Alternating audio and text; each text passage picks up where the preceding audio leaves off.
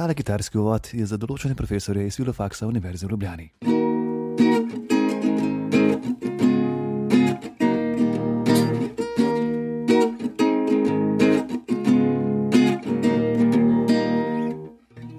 Dobrodošli v novi ediciji petega kolesa v družbi štirih stalnih komentatorjev Ožbeja, Martina, Boštjana in moje malenkosti Marka. Zakaj peto kolo? Ker nismo iskreni in nismo kralji, nismo ne levi, ne desni, po svoji definiciji tretje kolo, ampak na koncept projekt ni všeč, zato peto kolo. Um, me ne boste danes pohvalili za uvod? Bravo, Ne, ne, ne, pohvalite ne bomo, imamo pa nekaj posebnega zadaj. Čakaj, ne, ne še, da zdaj povem.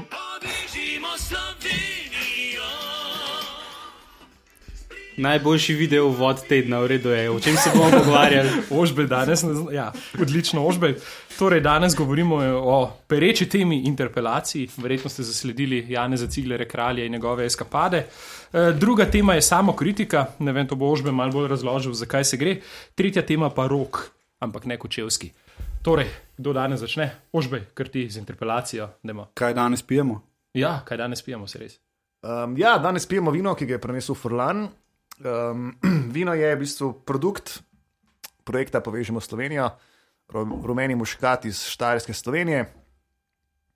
Um, piten, všečen, mogoče pa še rabi malo kompleksnosti, da bi bil še boljši.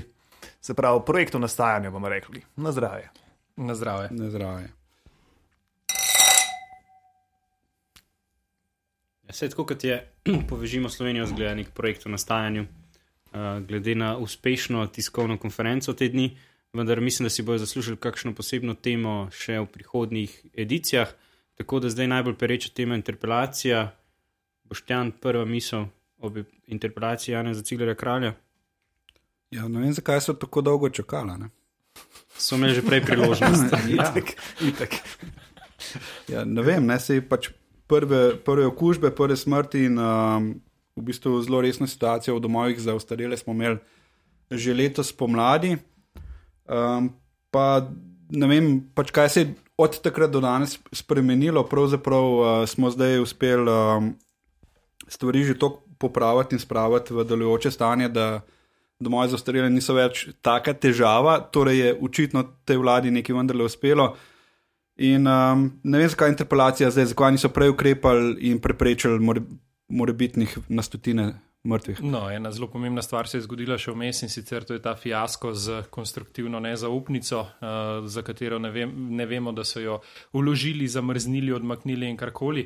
In v bistvu, kar je zdaj drugače pred tem, pred pogovorom o, o interpelaciji in cilerem kraljem, je to, da se praktično v Karlo Rjavcu ne pogovarja nihče več. Uh, jaz osebno stojim na stališču, da je bila ta interpelacija bolj kot ne uporabljena za neko dimno zaveso. Rezu- Rezultati razpisa so bili zunaj že 14 dni in da to eks eksplodira ravno tisti ponedeljek, ko Karl Rjavec umakne svojo konstruktivno nezaupnico uh, in da to po politika potegne ravno tisti dan ven, če to prej že 14 dni prej veljalo, je pač mi, mi to. Je to posledica nečesa drugega, vsaj moje mnenje je tako.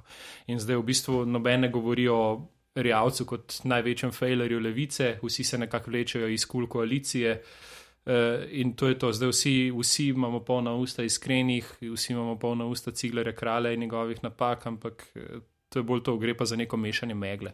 Je- No, ampak če se vrnemo, mene še vedno zanima, namreč sicer medijsko je veliko govora o iskrenih, vendar en velik del v bistvu materijala o interpelaciji, ker tega materijala pač sploh je, um, govori pač o nekem iskanju objektivne in celo subjektivne odgovornosti glede stanja v domovih za ostarele. Jaz sicer sem vedno na stališču, da je pri teh zadevah treba zgodbo pogledati širše um, in tudi stanje v domovih za ostarele, glede določenih načrtov in tako naprej, pred uh, samo epidemijo. In se mi zdi, da je mogoče tukaj kolektivna oziroma širša neka odgovornost. Ampak, Marko, ti si bil na tem zdravstvenem področju doma. Um, kaj je bilo v bistvu v preteklosti s temi, s temi načrti in kako je ta časovnica potekala? Ja, hvala, da si me namočil tukaj zdaj zaradi Pa mogoče še drugič. Pa še drugič. Ne, predvsem, kaj bi lahko bilo bolje. a Ne? Kaj bi lahko bilo Pa bolje? Predvsem, kaj je opozicija predlagala za to, da bi šlo bolje. Dobro, jaz ne vem, kaj je opozicija predlagala. Govorili smo nekaj, zelo veliko se je govorilo, da bi mogli naše domove urediti po vzoru avstrijskih, ampak hkrati se je zelo pozabilo povedati, da so avstrijski trikrat večji kot naši, da, da sistem funkcionira že 30 let popolnoma drugače kot naš. Tukaj bi mogoče skočil malo na tisto Martinovo misel, da se v vsaki krizi v Sloveniji pokaže, da pridejo na plano vse najhujše napake, da sistem je v bistvu naštiman tako, da v času miru nekako komaj da funkcionira. Ko se zgodi karkoli drugega, pač pride vse na plano.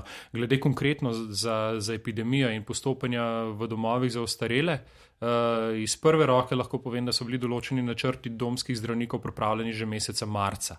In ministrstvo pod takratnim ministrom, ki, ki ga zdaj v bistvu govorijo, kot da ni bil nadzraven in je poniknil, uh, tega v bistvu ni dalo ven podobnega načrta šele do pozne jeseni. Tako da tukaj se moramo mi zelo jasno vprašati, kaj in kako je tukaj. Ne? Po drugi strani, ja, odgovornost, ali je res odgovoren za vse minister, ali bi lahko malo bolj inicijativno postopali tudi mogoče šefi samih domov za ustarele, zakaj so lahko eni šefi domov za ustarele kupili hitre teste, pa prepovedali vstop vsem tistim, ki so bili okuženi že prej, pa drugi tega niso mogli narediti. Uh, je tudi dobro vprašanje. Ampak tukaj se mi zdi, da je zmes vsega. No? Meni se zdi, da, da, tako kot je rečeno, imamo s to državo zelo velike težave z samim upravljanjem in prevzemanjem, predvsem odgovornosti. Ja, vse mislim, da ne moramo mimo slona v trgovini, se pravi, iskrenih. Iskreni delujejo kot neka vrsta istočnica oziroma povod, da je prišlo dejansko do interpelacije, ki so ga podprle, se pravi, štiri stranke, če se ne motim. A po podpisali um, ste ga tudi Alenka Bratušek in Tanja Fojon, čeprav niste poslanki, no, so ter jasni poslanci, ampak redo. Um, torej, ja, moje vprašanje je, glede na to, da je v tem bilo že veliko govora, se mogoče so naši, naše poslušalke in poslušalci že rahlo siti tega, te debate, ampak vseeno, mogoče kakšne minute še temu posvetimo. Ali je bil zlorabljen institut ministra, oziroma ali je minister posredoval svojo voljo, da je dobil zavod iskreni pika, oziroma pika net, oziroma iskreni uh, denar, ki mu ni bil namenjen. Um, glede na to, da je bil tudi nekaj časa, se pravi, član tega, uh, se pravi, zavoda. Vstopil je tri dni pred začetkom ministrovanja, gospod kralj, se pravi, edini kralj med ministri. Um, torej, kakšno je vaše mnenje o tem? No, jaz mislim, da se zelo, zelo preprosto lahko obrnemo na, na eno dikcijo, ki je v bistvu prejšnji teden objavil Center za nevladne organizacije, ko so objavili članek z naslovom Vsaki slovenski družini je vsaj en nevladnik. Ne, jaz mislim, da uh, govoriti o tem, da zato, ker si bil nekje, nekje dejaven v svoji preteklosti ali pa celo pred nastopom funkcije, da zato avtomatsko si uh, si pri nečem udeležen ali si pa pod nekim sumom, je, je po mojem zelo, zelo primitivna neka logika, ki ne pije vode. Sploh recimo, ko se je hkrati primerjalo prostovoljno udejstvovanje Janeza Ciglera kralja v iskrenih. Z recimo uh, zgodbo Židena v Panviti, ko je bilo govora o 20 milijonih neopravičenih sredstev. Ne. Da primerjate jabolke in hruške med sabo, ker da gre za iste stvari, je dejansko zgolj politična manipulacija.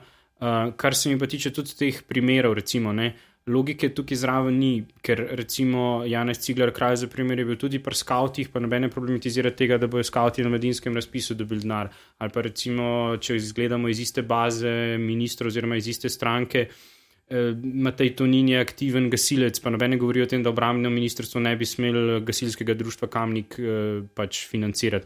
Ali pa recimo, ne vem, državni sekretar Mahnič je v Lovski zvezi, nobene govori o tem, da bomo Lovsko zvezo nehali financirati. Jaz mislim, da te primeri uh, ali pa taka logika, ki sledi ena iz druge, je, je popolnoma zgrešena. Je pa res, da je Cigler kralj kot minister naredil eno samo napako, kar se tiče PR-ja. Namreč to, da je kljub temu, da je imenoval strokovno usposobljene ljudi, 102 od izmed petih v komisiji iz njegovega kabineta, kar je pač neobičajna praksa. Uh, vendar hkrati spet ne velja na sest tej logiki, da če so ljudje zaposleni na zaupanje, da so avtomatsko nestrokovni.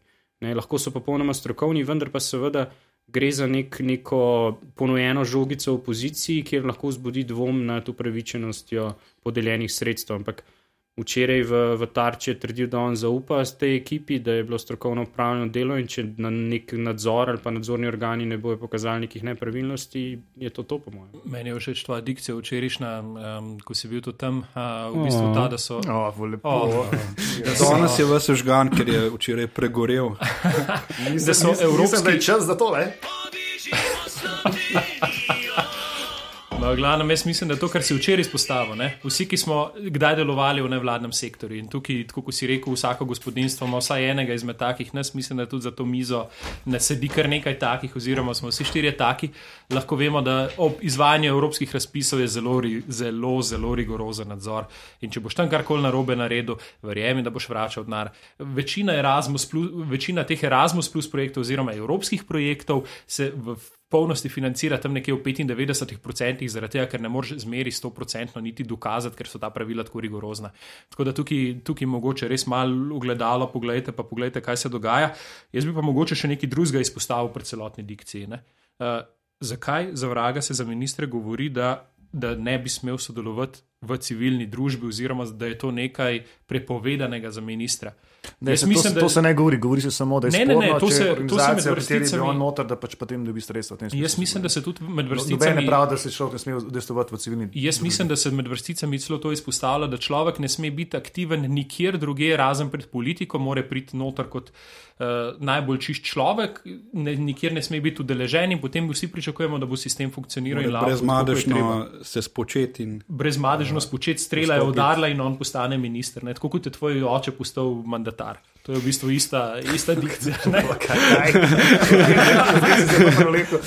Vedno no, prav pridele. Ja, ampak, ampak hočem povedati, z vidika meritokracije, z vidika tekmovanja. Zdaj od tega ni noben pričakoval, to je dejstvo.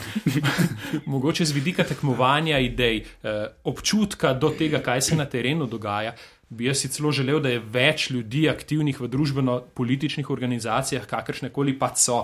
Da se nam ne dogaja potem, ne vem, absurdi, da neka delavka, ki je bila zaposlena na, v kabinet ministra, ne zna ene pogodbe spisati, ker, ker je čisti uh, ker zmrzne pri tem, ker pač nikoli ni bila navajena tega delati. Vse skupaj ta civilna družba oziroma eh, prenese nek nabor znanj, ki jih v realnem svetu zelo težko dobiš in to je za me to zelo koristno. Po drugi strani bi si želel več takih ministrov, da se glih o tem lahko pogovarjamo. Um, mogoče sem, ker je nekako se mi zdi, da iskreni ne bi bila taka afera, če ne bi bili idealen, rekel, trigger za neke vrste kulturno-bojniški refleks. Kako po vaši se vam zdi, v bistvu, da to, kar zagovarja določene stvari, ki mogoče niso bili mainstream um, v Sloveniji, um, ali bi bila isti, rekel, vrste reakcija, če ne bi bili pravi, iskreni? Kdo pa pravi, da niso mainstream, tistih 5% ljudi, ki so najbolj glasni? Ja, v bistvu ne. Ker um, če že govorimo recimo, o tem, da uh, je to zavod, ki med drugim zagovarja uh, pravico otrok do, do očeta in mame to zagovarja več kot dve tretjini slovencev. In smo to dvakrat trebali povedati na referendumu, ker pač naša vla, naše leve vlade so tako butaste, da rabijo to vsaj dvakrat slišati. Pa najbrž bojo mogli še kdaj. Ne? Mislim, če smo gledali zdaj, recimo od podmladka SD in še koga drugega. Kot je že včeraj Martin omenil na, na tarčine, se pravi, takoj si v srednjem veku in, in, in um, če ki mora spet komarne. se pravi, kot je že včeraj uh, nahtega lumena, se pravi. Ampak mislim, da je ta nek refleks, ki, ki je pač to preprosto, da se ga sprošne. Jaz mislim, da je najlepši pokazatelj tega, da tudi recimo glihanja, ko pač mrako včeraj. V smislu, katoliške organizacije so fajn, dokler je ta katoliška organizacija Caritas, ker deli hrano in plačuje položnice, za vse ostalo smo pa tukaj drugi. Ne? Jaz mislim, da vedno, kadar eh, se pomisli strani levice ali pa leve sfere v celoti na aktivnost katoličana zunaj zakristije, je to za njih karitas. No, ne, za, vse drugo, pardon, za vse drugo, pa pač ne, ne puste, to, to drugo pa mi vemo. Ne, pač, eh, demokracija, človekove pravice, eh, pluralnost družbe in vse te debate. Eh, to, zato so pa drugi NGO-ji, ki pa vemo, da pač niso. Tako kot vsak NGO, v bistvu ni brez neke ideološke podstati, se iz tega izvira tudi ideja, zakaj kako in kako razvijati civilno družbo. Ne? težava teh NGO-jev je glih to, da, da nam podajo to svoje videnje demokracije, ki je pa v bistvu zelo skregano z vsako logiko in to potem povzemajo vsi ostali. Uh, noben, ne, uh, to je misel, da lahko. Smislu? V, v smislu, da da demokratično je samo tisto, kar pravijo oni, in demokratično ni tisto, kar pravimo mi vsi ostali, ki se mogoče z njimi ne strinjamo. Ampak ravno to je smisel demokracije, da je bazirana na pluralizmu idej, na pluralizmu pogledov in da, da, da je konkurenca teh pogledov in idej tista, ki v bistvu rodi nek napredek naprej in trajnost. In da, zato je tudi važen ta tvoj dialog, o katerem skozi govoriš, ker se moramo znati poslušati da lahko te, eh, te, ide, te ideje soočimo med sabo in potem probamo nekaj, dru, nekaj dobrega ven iz tega potegniti. Ja, se, to sem mislil malo dodati. Um, če se spomnite izjave, tudi v Tarši je bila, seveda, uh, šefa poslanske skupine LMŠ, ki je rekel, Markeš, no, sicer ga nisem, mislim, ni omenil, ampak je rekel, Markeš je bil včasih um, desni novinar, pa potem je postal pa normalen novinar. Ne? Mislim, da je del tega prisotnega tudi v uh, nasplošno v družbi političnih temah. Ne? Si v bistvu poseben, potem, ko verjameš, pa misliš isto kot mislimo mi, postaneš pa normalen. Ne? In tle se mi zdi, da iskreni štrlijo tudi iz te zgodbe, ker so drugačni, mogoče od določenega prepričanja, določene skupine, postanejo drugačni in zaradi tega nenormalni. No, ampak če upustimo zdaj um, in pridemo na bistvo, na bistvo je pa to, da, da v resnici nikomor v tej interpelaciji ne gre za vsebino, ampak gre samo za eno novo politično taktiko. Če ni uspela naša konstruktivna nezaupnica, bomo pač probali z združenjem posameznih ministrov, uh, še prej smo sploh začeli dobro z Janezom CK. Uh, bomo že nadaljujemo z ministrico za, za šolstvo. Um, Zihar se bojo prejslej najdel uh, novi kandidati za interpelacije. In um, Simoniti, ja, seveda. Um, Prešiček, uh, zdaj, ki je bil uh, kvazi oproščen.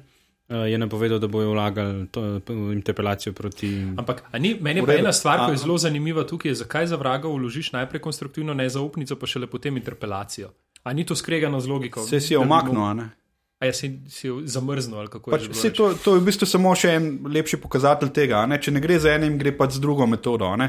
Ker čim bomo uspeli zrušiti enega ali več ministrov, bo zelo težko vlada nastavila novega ministra. Ne na zadnje, v bistvu smo jih ta teden gledali eno grozljivo kolobocijo te vlade okrog uh, novega zdravstvenega ali pa ne novega zdravstvenega ministra, no, je bolje rečeno. No, to, to sem hotel vprašati, recimo, kako je mogoče, da sred pač največje zdravstvene krize v samostojni Sloveniji in pač širše od Slovenije, ni problem, da nimamo zdravstvenega ministra.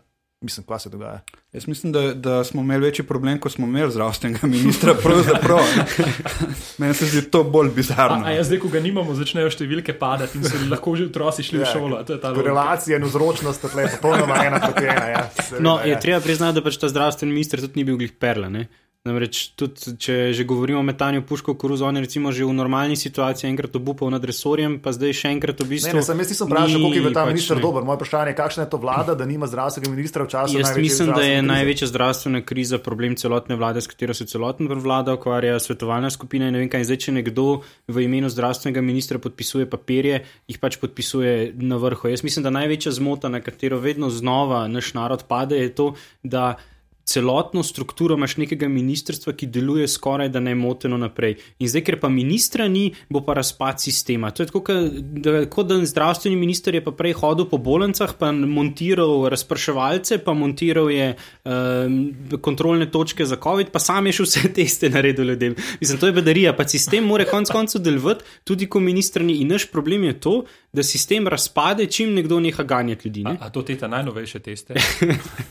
Ne, se, je, je več kot očitno, da tudi da... Belgija je zdržala brez vlade, let pa pol, brez problema. Ne? Ampak tukaj ni, mislim, da je še vedno je fajn imeti ljudi, ki. Mislim, no, seveda, seveda ni to optimalno stanje. Odgovorno ampak... osebo, ki je pač zdravstveni minister, mislim, da je to fajn. Ne? Seveda ni optimalno stanje, ampak hkrati pa predstavlja, da zato je pa zdravstveni sistem v tem stanju, zato ker nimamo zdravstvenega ministra tri mesece, je pa pač bedarija. Nadaljeval pa bo tudi ožbe iz drugo sorto bedarij, ki se imenujejo naši ne sponzori in morda tudi kak sponzor. Tako, dame in gospodje. Zmeri um, dobita isti glas. Koliko čast mi je, da danes. Mislim, najprej bom povedal, da mi je full žal. Uh, v bistvu pogrešam starega sponzorja, Dveri Pax, odlične vina iz Štajerske, vsem priporočam. Če imate čas, zaperite se tja, poskusite vino, prenovljeni dvorec, lahko rečete, vse se doje na miru. Restauracije, vse.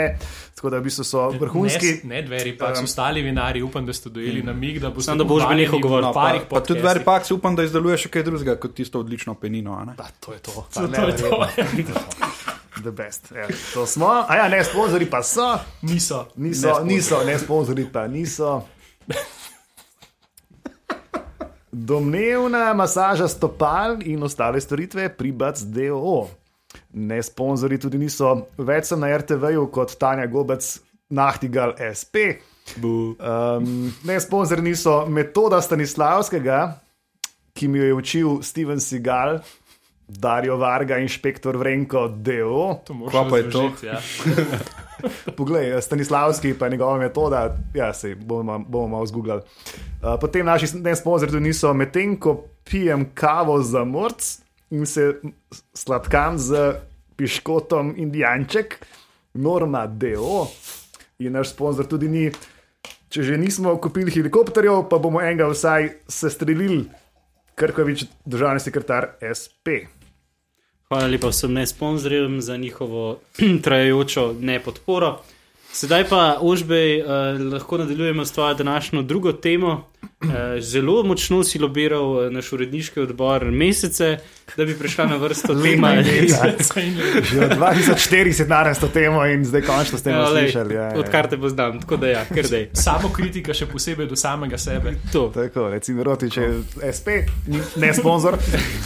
Um, torej, ja. Uh, samo kritika, ja. V bistvu, tema je, mi se v tem našem podkastu doskrat ukvarjamo z dialogom, z načinom komunikacije oziroma s potrebnostjo pogovora. To govori v Ker- nekem drugem podkastu. Ko umre, ko umre pogovor, ponavadi umre tudi demokracija. Um, ampak ker imamo te ravno dva ugledna, um, rekel, ne glih mednarodno, ampak nacionalno ugledna uh, komentatorja, Levičarsko Na gledano. Štajerskem nas poslušajo. No? tudi verjetno štirje, predvsem tisti, ki smo ga dobili. Ampak je. No, ja, torej, um, uh, se pravi, imamo te dva komentatorja, ki. Uh, Pač govorimo o Marko in seveda Martin, ki sodelujeta na Studio City, na Pop TV-ju, na Torej sta Utarči. samo levičarsko ogledna, a ne? ker na Novo 24 jih nikoli ne vidimo. E, Martin je bil enkrat. Enkrat ja. sem bil O. kot kvota Desusa. Pa pa nikoli več. Ha, Mene je pa to, mene je pa to Mažič pohvalil parkrat, tako da sem to ne vem, a sem se pa tam pojavil ali se nisem. Tudi jaz ne vem. No, se. No, kakorkoli, moje vprašanje, moje vprašanje je pač obema, pač eh, obema komentatorjema to. Ne vidiš, da ste povabljeni ponovadi v dajo eno ali drugo z pod kvoto urednika. Se pravi, vsak urednik povabi dva ponovadi. Ti imaš zraven Maksutja, oziroma imaš zraven jaz eh, Cirmana Maksutija, ali pa Žrdina. Ne? Se pravi, vedno sta povabljena kot protivtež nekomu drugemu v, v studiu. Ali obratno. Ali obratno, ne tako. Uh, moje vprašanje je, do kere mere morate vidva kot komentatorja izpolnjevati zahteve, ki se od vas pričakujejo kot predstavnika neke opcije drugega, če tako rečemo, in do kere mere sta, se pravi, do kere mere morate biti apologeta in do kere mere pač poveste, kar si mislite, in um, pač v tem smislu samo kritična, uh, oziroma do kere mere ne. Ah, To je neumno vprašanje, jaz vedno povem, tisto, kar si mislim. Glej, sorry. Lepo, lepo. To zdaj le v podkastu in posod, pač zmeri govorim iz sebe, govorim seveda v skladu z mojimi prepričanji, mojimi vrednotami, mojo vzgojo na vse zadnje in vsem ostalim in, in pač to je ta skupek mene, ki me dobiš, uh, kjer smo mogoče, kjer mogoče vsaj desno od sredine v Sloveniji manjka, te, je, pa, je pa to vprašanje tega dialoga in tega. In tukaj mislim, da da, da vidiš, da, nis, da doskrat nismo napadalni v zadevah, da probaš razumeti drugo stran, da probaš normalno povedati, kar si v drugi strani misliš, seveda pa ne, ne, ne odstopaš od teh svojih vrednot in svojih prepričanj in to, to, to zelo jasno poveš. In da je to ta neka stvar, uh, ki nas mogoče loči od ostalih, je to, da nismo popadljivi ne? in da se dejansko probaš pogovarjati. Ampak koliko smo recimo danes mi slabega povedali o, o pač kralju? Ne? Okay, sorry, No, jaz bi, odgovor, ja, jaz bi sorry. še, še naprejšno. Ti si prav to, kaj je rekel, no, tudi ne boš človek odgovarjati. No, v glavnem, simpatičen je, hvala, to je pa- to je pa lepo. no, ga, ne, jaz sem hotel glede naprej, eh, naprej na prvo vprašanje reči to, da jaz mislim, da glavni problem vedno bolj naše slovenske družbe je to, da kulturo dialoga ali pa sploh kulturo obnašanja v splošnem zamenjujejo z mehkostjo mnen, mnenja.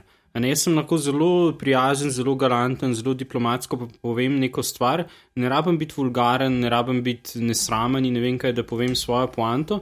In se mi zdi, da ljudje premalkrat poslušajo to, kar govorimo, ker zelo jasno, mislim, da oba dva z Markotom uh, nastopava v skladu z Markovo vzgojo. Z mojo vzgojo. Um, in pač um, se mi zdi, da pač to, da jaz ali pa Marko, recimo, znava pač vzpostaviti nek dialog, um, prevečkrat potem ljudje, tako kot danes, uh, komentar na včerajšnjo tarčo, eden izmed. Je bil recimo, da sem jaz eh, na, na, na tarči pregorel v želji po ugajanju skrajni levici. Ne? Govorimo o mamiču tle. Ja, in o portalu vipavska.eu, um, ki Torej, zdaj o gotovo Mamiču. nikoli ne bo sponzor. Um, v glavnem, Pustimo se presenetiti. no, pač hočem reči, da, da to, da um, se z nekom pogovarjaš, še ne pomeni, da se z njim strinjaš na koncu dneva. ne. In jaz tudi, recimo, ko govorimo, debatiramo v Studio City pač, ali pa kjerkoli druge, eh, noben na koncu, potem, ko se ugasnejo kamere, eh, ne reče v smislu, no, sej, zdaj si me pa prepričal, da bom jaz spremenil svoj življenjski nazor. Ne. Te, to se ne dogaja in to, to tudi ni, mislim, da poanta te zadeve. Poanta je za gledalcem ponuditi dva različna pogleda na situacijo, potem se morajo pa pač sami odločiti, katerim je bliže, glede na njihovo ali Markovo pač vzgojo. Ne? Ampak če bi, Tako recimo, se mi zdi, bi- da je bi videla pač- govorila, mislim, da bi se ti strinjal z Žrdinom v dveh ali treh zaporednih oddajah Studia City ali pa on stavo.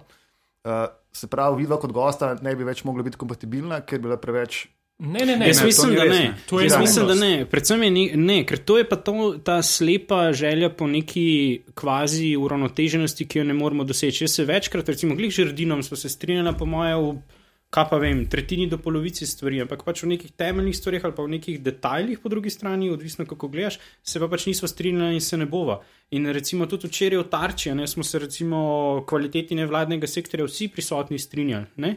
In pač jaz mislim, da strinjanje pri nekih zadevah se pač zgodi, eh, hkrati je pa pač tudi treba potem je ponovati vrak v detajlih, za kar pa velikrat v teh oddajah pač zmanjka časa. Ne?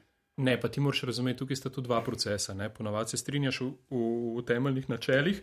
Če so, bom rekel, če so ljudje normalni, se v teh stvarih strinjaš, v temeljnih postulatih, kot je demokracija, kot je pravna država, kot je vse skupaj.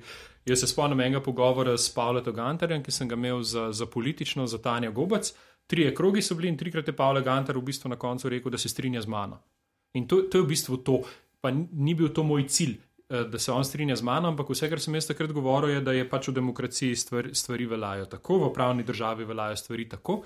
In da je to ta pogled, in to lahko je mogoče tista neka osnova, ki, ki, ki služi v to, da se lahko začnemo pogovarjati, potem pa mogoče še v kakih stvarih naprej. Se ni namen, da se ideološko strinjamo. Jaz, tudi, jaz si tudi ne zatiskam oči v smislu, da, da politični uredniki ali pa uredniki raznih političnih oddaj iščejo ravno to nestrinjanje, ker to prenaša gledanost. Ne? Ampak eh, lahko se pa strinjamo v temeljnih postulatih, pol pa mogoče debato obrnemo na drugo smer, pa probamo najti tiste tri točke, v katerih se strinjamo in se ne razbijamo na, na milijon. 500 tisoč točkah, na katerih se pač nikoli v življenju ne bomo strinjali. In moja naloga, oziroma ne naloga, moje prepričanje je tako, da, da bi tako mogel politični proces funkcionirati. In jaz tako funkcioniram v življenju, da raje iščem točke, kjer se lahko strinjamo, ampak to ne pomeni, da odstopam od mojih temeljnih vrednot, uh, ali pa da, da, da sem pripravljen žrtvovati moje temeljne vrednote. Sploh, če so te temeljne vrednote, ne vem, demokracija, svoboda, eh, pravna država, to so stvari, ki jih čeprav po drugi strani, ne, po drugi strani ste pa, um, je to dosti nehvaležna vloga. Ne. Um, za določene, recimo, mamiča sta pač si bil ti, recimo, včeraj, se pravi, uh, rekel, rjavi nosek levice. Ne. Um, tisti, ki ne veste točno, kaj to pomeni biti rjavi nosek, si vzemite 4 sekunde, pa razmislite. Um, se pravi, po drugi strani sta ne vem, za kakšne volivce A nove. ja, Vedno si bil hitrejši, sploh kot pri pr šahu. Tudi, ja. um, torej, eh, se pravi, eh, po drugi strani, za, mogoče, eh, mislim, za, za, za, druge sta pač Janšista, za tretje sta pač, kako je biti um, v tej vlogi, ko tako rekoč marsikomu ne ustrezata s tem, kar govorite. No, jaz mislim, da čistko, pač polk so včeraj, ne, ko so ugasnili kamere, smo se mi dva z gospodom Forbicijem pošalili, no, jutri pa bova prejela nekaj klicev tvojih in nekaj klicev mojih, pa oboje bova te klice prejela. Ne. In dejansko se je to uresničilo. Pač en primer smo zdaj vzeli uh, gospoda Mamiča, po drugi strani sem dobil pa SMS enega izmed uh, duhovnikov, ki mi je napisal, lepo je videti uh, pričevanje kristjana v družbi. Ne? Zdaj pa pač, to sta dva človeka podobnih nazorskih pogledov, ki sta gledala isto oddajo, ampak njun rezultat oziroma njun rezime uh, mojega nastopa je popolnoma drugačen in to je vedno tako. Ne? In ljudje tudi se malo obnašajo kot v neki trgovini, samo postrežni, kjer vzamejo tiste povedi, ki so jim všeč, ostale pa malo zamižijo ali pa pač ti vržejo naprej to.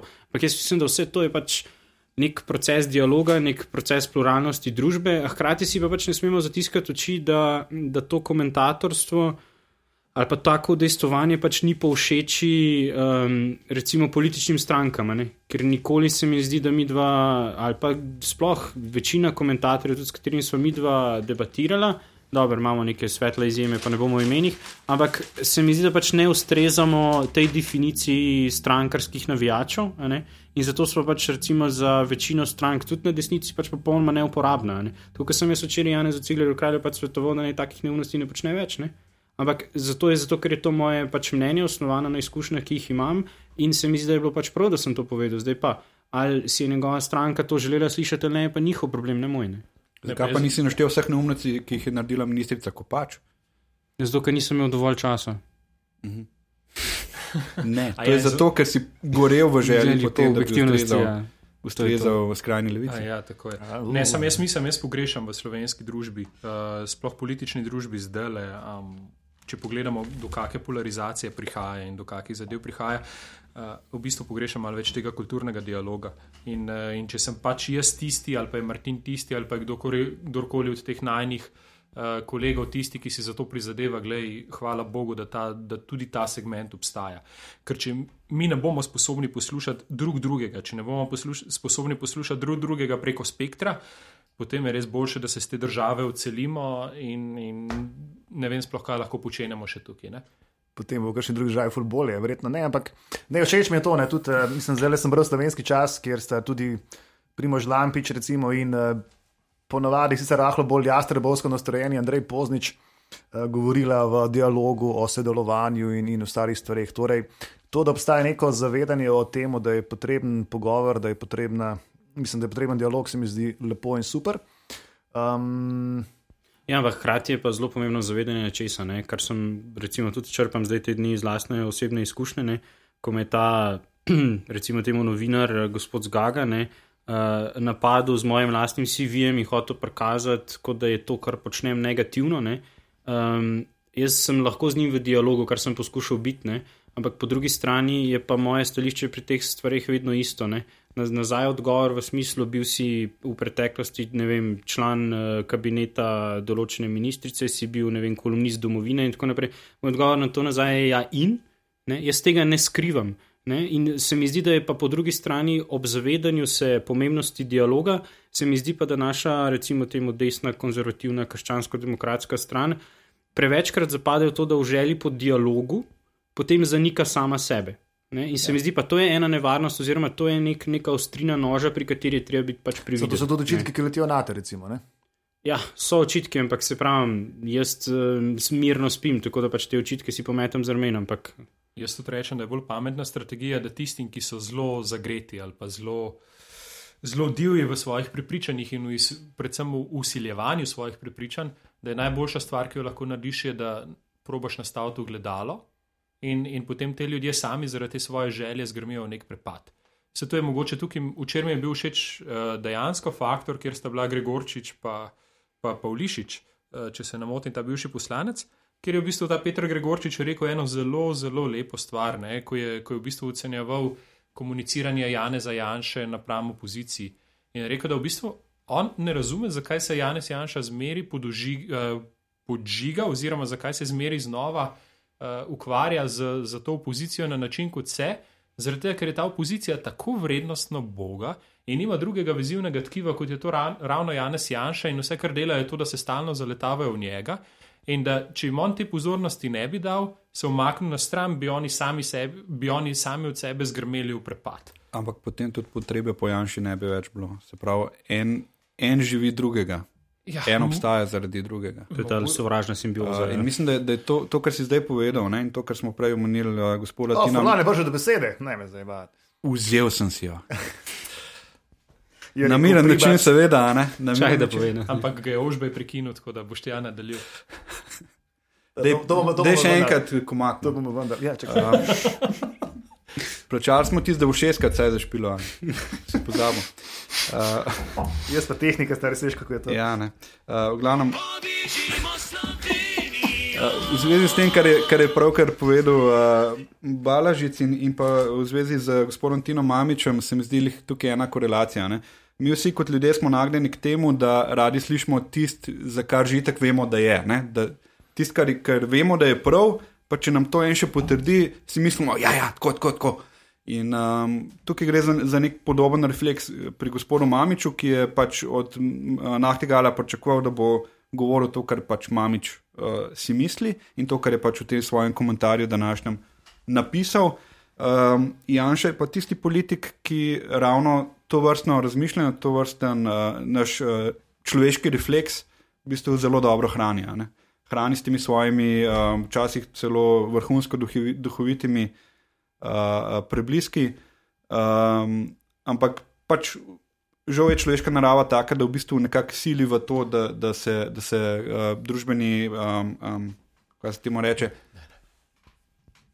Pogovor, pogovor v bistvu v to. A, v lahko to mogoče um, samo eno pod vprašanje tukaj. Glede na, glede na številke volilne udeležbe in glede na če dalje večjo abstinenco, a mogoče ni to znak, da je to mogoče neka neprava pot v, v političnem diskurzu, v politični kulturi, ker pač tri četrt ljudi na koncu reče, da je dost nam visi za, za te, pa za druge, pa za tretje. Glej, se vse, kar delajo, je to, da sam sebe zafrkavajo, ne znajo se zmeniti niti v eni stvari, nas ta stvar ne zanima, naj oni to delajo sami od sebe, mi se bomo pa umaknili in, in tega ne bomo več poslušali.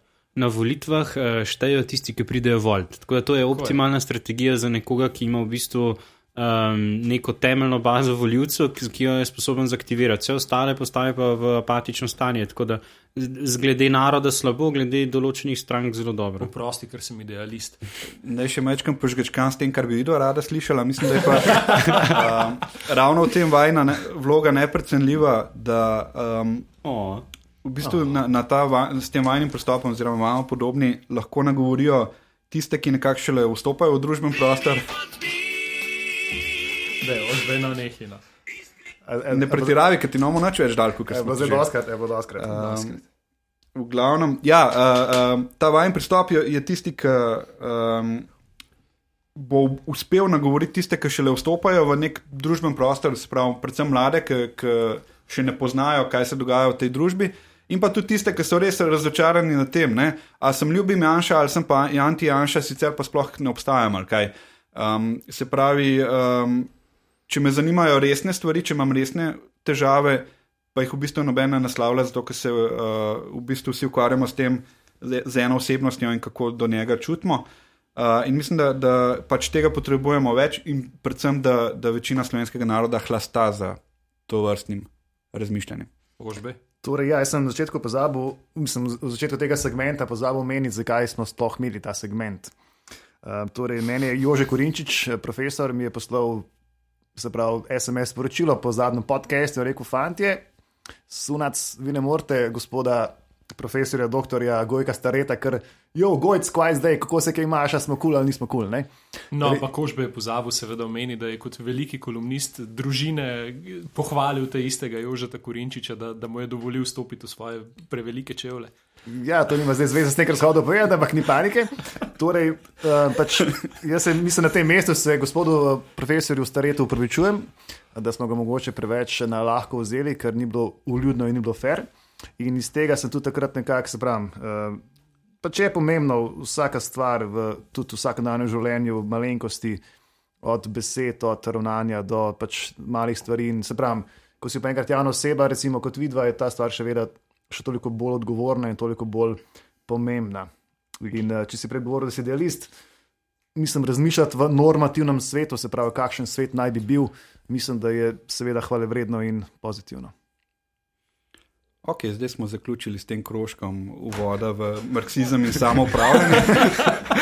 Ja, kar se tiče samo kritike, kljub temu, da smo sedaj imeli najo dva z Markom in gospoda Korinčiča, oziroma profesorja gospoda Korinčiča na tnalu, se mi zdi pomembno povdariti to, da mogoče ena napaka, ki jo, ki jo delamo na, na konzervativni strani, je pa pretirana samo kritika ali celo samo cenzura. Uh, in recimo vsakokrat, ko, ko pride na nož situacija, mm, je pri nas, ne vem, je to nek priuzgojen, pritepen ali kakršen koli že pač samo refleks, da se potegnemo nazaj in rečemo, no, vse mogoče pa nismo tako dobri, vse mogoče pa nekdo drug zna boljši in tako naprej. Ne? In se mi zdi, da to je ena stvar, ki nas, ki nas tepe, kar se recimo tudi kaže pri razvoju civilne družbe, kakor pač, oziroma nevladniške družbe, če želimo. Ne? Pač refleks je, da se pač sicer samo organizirati, ampak hkrati jo je zaprositi za državna sredstva, jo je prijaviti na razpis, jo je to papirologija, pa jo je to mi ne vemo, če znamo in tako naprej. Ne? In je potem cel kup enega, recimo, nevladnega civilnega življenja med katoliškim narodom, vendar hkrati zelo slabo, recimo, za, za znan v državnem financiranju ali pa celo v, v državnih statistikah, ker pa se na razpise na take stvari ne pojavljajo. Ne? Ker jo je zihar zna to nekdo drug boljš kot mi. Ne? In se mi zdi, da je to ali je to dediščina odnosa strani prejšnjega režima ali je to nekaj, kar je latentno prisotno vse- vseh nas, jaz tega ne znam definirati, ampak se mi zdi, da je ta, tako kot sem že prej rekel, se vedno vračam k temu, ta ja in odnos um, na napade strani eh, drugih, eh, recimo barov, Maurice v pluralni družbi, nekaj, česar bi se mogli večkrat poslužiti. Ne. Sem krščanski demokrat, sem katoličan, sem konzervativen. In če ti kaj ni prav, živimo v demokratični družbi, kjer se vsi gibljemo znotraj istega ustavnega okvirja in odgovor na tvoje napade je ja in. Ne? In se mi zdi, da je to nekaj, kar pač bo test uh, naše prihodnosti v nadaljnih desetletjih. Če se vrnem na dva podcasta, se mi zdi nazaj, ta ideja o tem, da spremeniš družbo, traja pač 60 let. veš, mogoče tukaj, um, tukaj je tudi en zelo drug zanimiv fenomen. Ne? Če gledamo petkove proteste, če gledamo rok, če gledamo vse te, uh, bom rekel, družbeno-politične stvari, ki smo jim v, v, vsaj v mainstream medijih uh, zadnje dneve priča, pa gremo potem štet te ljudi na koncu. Ne? V bistvu ugotoviš, da te ljudje fi, v fizični obliki ne predstavljajo več kot 5% nekega volilnega segmenta. Ampak zaradi tega, ker so tako dobri pri tem, kar počnejo in tako samozavestni pri tem, kar počnejo, kar je v nasprotju z nekim drugim segmentom, ali kar je v popolno, v popolno kontrastu z nekim drugim segmentom, uspejo prodreti s tremi sporočili naprej. Čeprav je bizaren, čeprav ne razume, kaj demokracija v osnovi pomeni, čeprav rogovci ne razumejo, kaj to privatna lastnina pomeni, pa zakaj je to temelj neke demokracije. Ampak uspejo s temi idejami naprej prodreti v nekam više. In se, jaz bi se raje vprašal tukaj, tako kot je Martin začel, kaj se pa tukaj dela na robe na, na neki drugi strani, da se s tem ne uspe naprej, oziroma da nek, neka celo tista tiha višin, večina ne pride v spredje, pa, pa dejansko pove tistega, kar si misli. Kot pravi Ožbe, ki so mentori. A si prebral mojo kolumno. Mm, Večkrat. A, lepo. A si se kaj naučil? Ne. No, ne. V bistvu mentori so v nastajanju, ne? vključno z našima eminentnima komentatorji. Še malo boste mednarodna. Ja, Počakaj še malo, te boš ko špigal ta, klical. ko- ko ta prvič čez trojane šla komentirati na. Radio na Maribor. ja, tako. Čak se na Murskem valu smo že bili, a nismo bili. Ne, ja. Pa mi smo itak Ja, že Slovenija, zadnji knjigo Slovenija, pika ne smo že predstavljali v Mariboru. tako da. Ja, Slovenija. Pravzaprav smo že, ja. ja. Čeprav ne, Presegli meje. se bo več predstavljateljev kot gostov, ampak so ok. Dobro, no. Jih je bilo pa nekaj več v, v italijanskem delu Gorice. a ne? No, s tem uh, izletom, ekskurzijo, če želite, v, sku, v skupni spomin V naših treh publicistov. Uh, Kolektivno nezavedno. Zaključujemo tokratni podcast, vabljeni poslušanje petega kolesa tudi v prihodnosti in se vidimo čez 14 dni.